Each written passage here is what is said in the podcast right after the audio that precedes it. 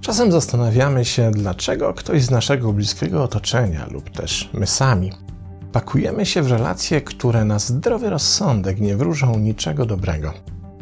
Patrząc na nie z boku, w sytuacji, kiedy dotyczą one innych osób, lub wówczas, gdy patrzymy na nie z dystansu czasu, kiedy już dawno są za nami, uświadamiamy sobie z całą wyrazistością, że to się przecież nie mogło udać. A mimo to takie relacje powstają, nie przestając nas zadziwiać. A może gdybyśmy potrafili prawidłowo zdiagnozować możliwe źródło takich naszych relacyjnych zachowań, moglibyśmy się przed nimi ustrzec na przyszłość? Problem w tym, że to źródło może być nieźle zakamuflowane i dotyczyć naprawdę różnych relacji. Przyjrzymy się tylko dwóm wybranym na poniższych przykładach. Oto Anka i Robert, para, pomiędzy którą wydaje się istnieć nierozłączna nić, mimo iż nie nazwalibyśmy ich ani parą dobraną, ani też spełnioną. Robert bowiem jest wzorcowym przykładem narcyza, koncentrującego wszechświat wyłącznie wokół siebie. Świat, który tworzy Robert, to świat, w którym wszyscy go kochają, obdarzają szacunkiem i podziwiają. Jego świat wydaje się lśnić kolorami, kwiaty kłaniają się na jego widok, psychofanki mdleją, a wypuszczone na halach owce rozstępują się przed nim jak morze czerwone. I ten właśnie magiczno-fantastyczny świat przyciąga Ankę jak magnes, bo te kolory i charyzma wydają się być na wyciągnięcie ręki i nie ma znaczenia, że to jedynie iluzja. Znaczenie ma wyłącznie to, że można by się w takiej iluzji zanurzyć, by chociaż na chwilę zapomnieć o. W tym miejscu nie wstawię spoilera, bo musimy jeszcze przyjrzeć się drugiemu przykładowi. Oto dla odmiany Andrzej i Ola. Również nierozłączna para, która wydaje się być połączona swoistą symbiozą wymiany. Ola często w tym związku korzysta z roli ofiary, co natychmiast w Andrzeju odpala ratownika, zgodnie zresztą z modelem analizy transakcyjnej Karpmana. A jest z czego Ole ratować, bo jest ona dorosłym dzieckiem alkoholika. Podobnie jak od 40 do 60% takich osób, sama ma również alkoholowy problem. Sęk jednak w tym, że Andrzej wciela się w rolę ratownika nie z miłości, współczucia czy chęci pomocy. On to robi wyłącznie dlatego, że uważa Ole za osobę zepsutą i potrzebującą wsparcia, zaś jego nad nią opieka jest dla niego czymś w rodzaju odkupienia własnych win. Potrzebują więc siebie nawzajem i to powoduje, że żadne z nich nie zamierza drugiego opuścić. Ale czy na pewno są szczęśliwi? Czy dwa powyższe relacyjne przykłady może coś ze sobą łączyć? A może zadajmy to pytanie inaczej. Co motywuje Anię i Andrzeja do tak silnego zaangażowania w ich relacje? A co byśmy powiedzieli na to, że ich głównym motywatorem jest toksyczny wstyd? Tutaj musimy wyjaśnić, co ten termin oznacza. Otóż według Rosa Rosenberga, autora książki o współzależnych pułapkach narcystycznych, doświadczamy w życiu dwóch głównych rodzajów wstydu – Pierwszy to wstyd z powodu tego, co zrobiliśmy, zaś drugi to wstyd z powodu tego, kim jesteśmy.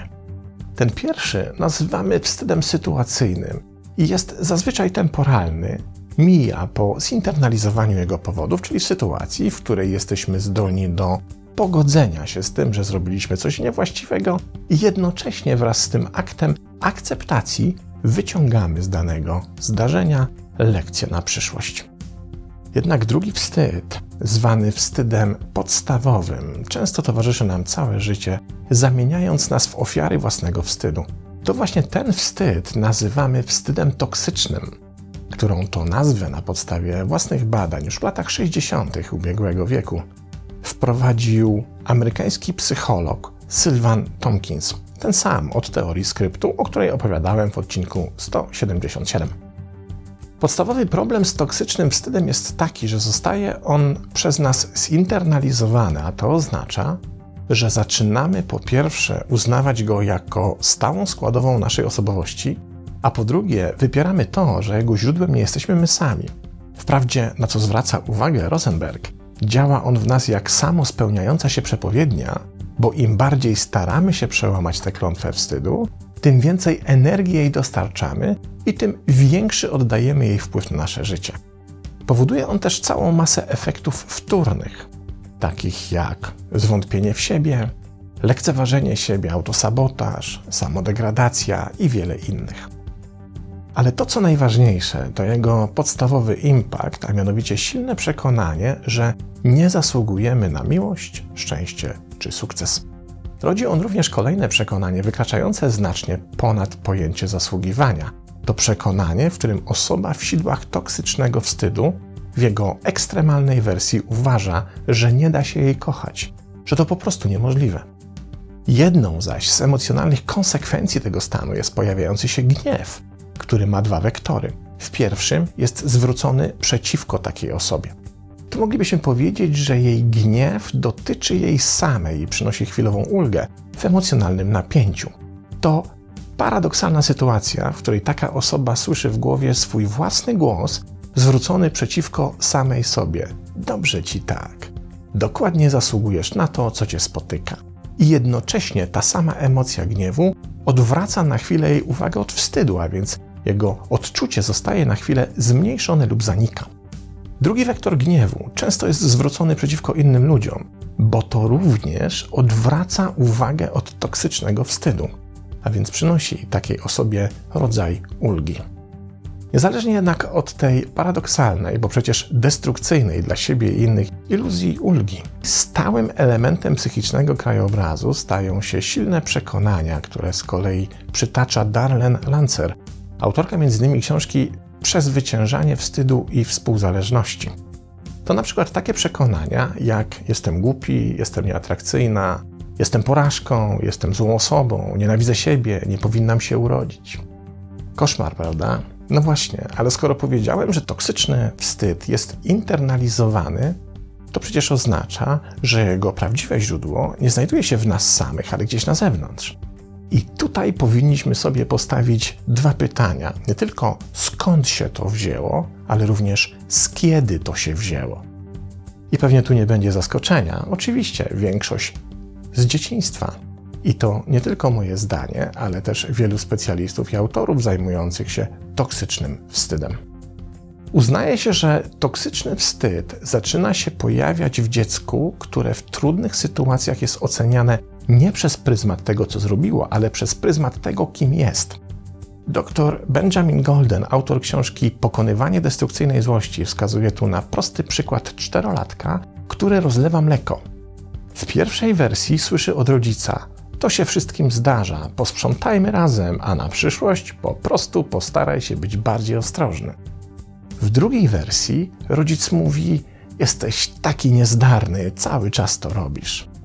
To wydaje się subtelna różnica, ale problem w tym, że często słyszane przez dziecko komunikaty z podznaku tej drugiej wersji to idealny fundament do rozwinięcia się toksycznego wstydu w przyszłości.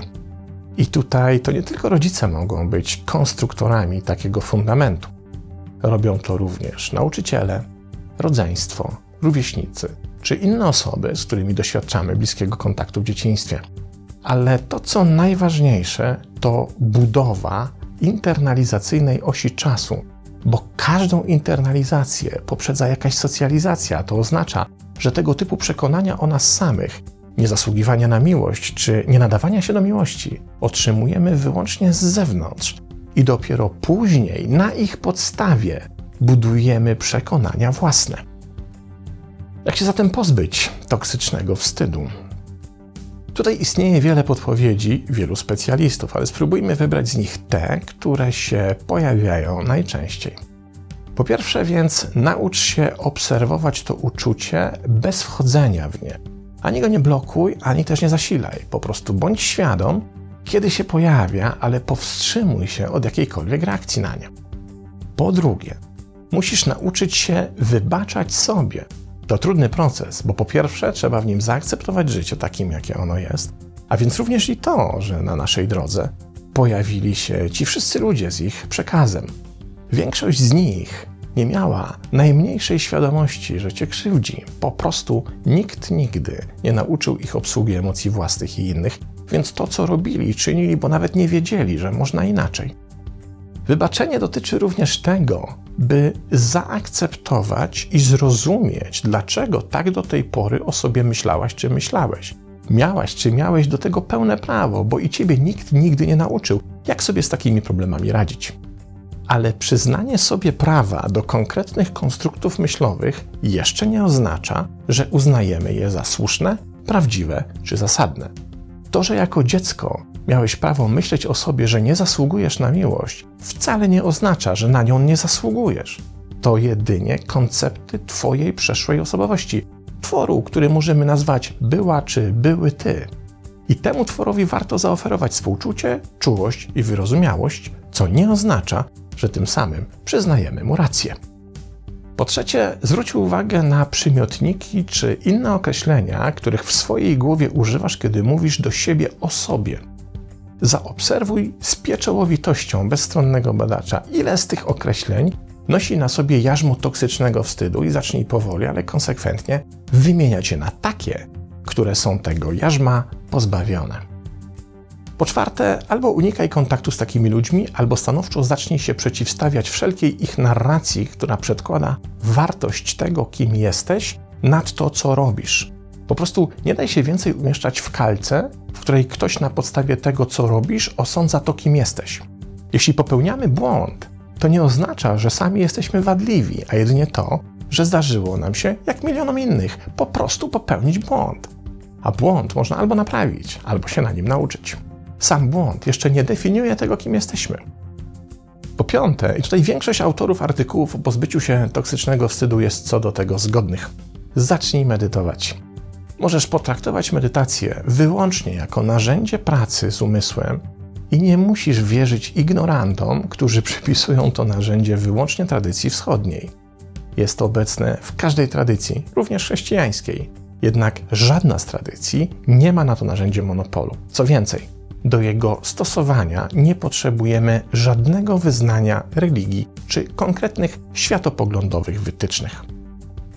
Jednak co staje się dzisiaj powszechnym i również coraz częstszym naukowym przekonaniem, może być niezwykle pomocne w uzyskaniu efektu biernego, bezstronnego obserwatora w stosunku do własnego systemu emocjonalnego, a z tej pozycji można rozwiązać olbrzymią ilość problemów, które wcześniej wydawały się nie do ruszenia.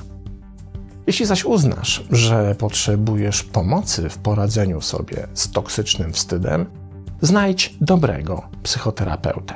Jest całkiem sporo narzędzi, które można tutaj zastosować, i nie daj się przekonać, że psychoterapia w takim wypadku musi trwać tygodniami. Pozdrawiam.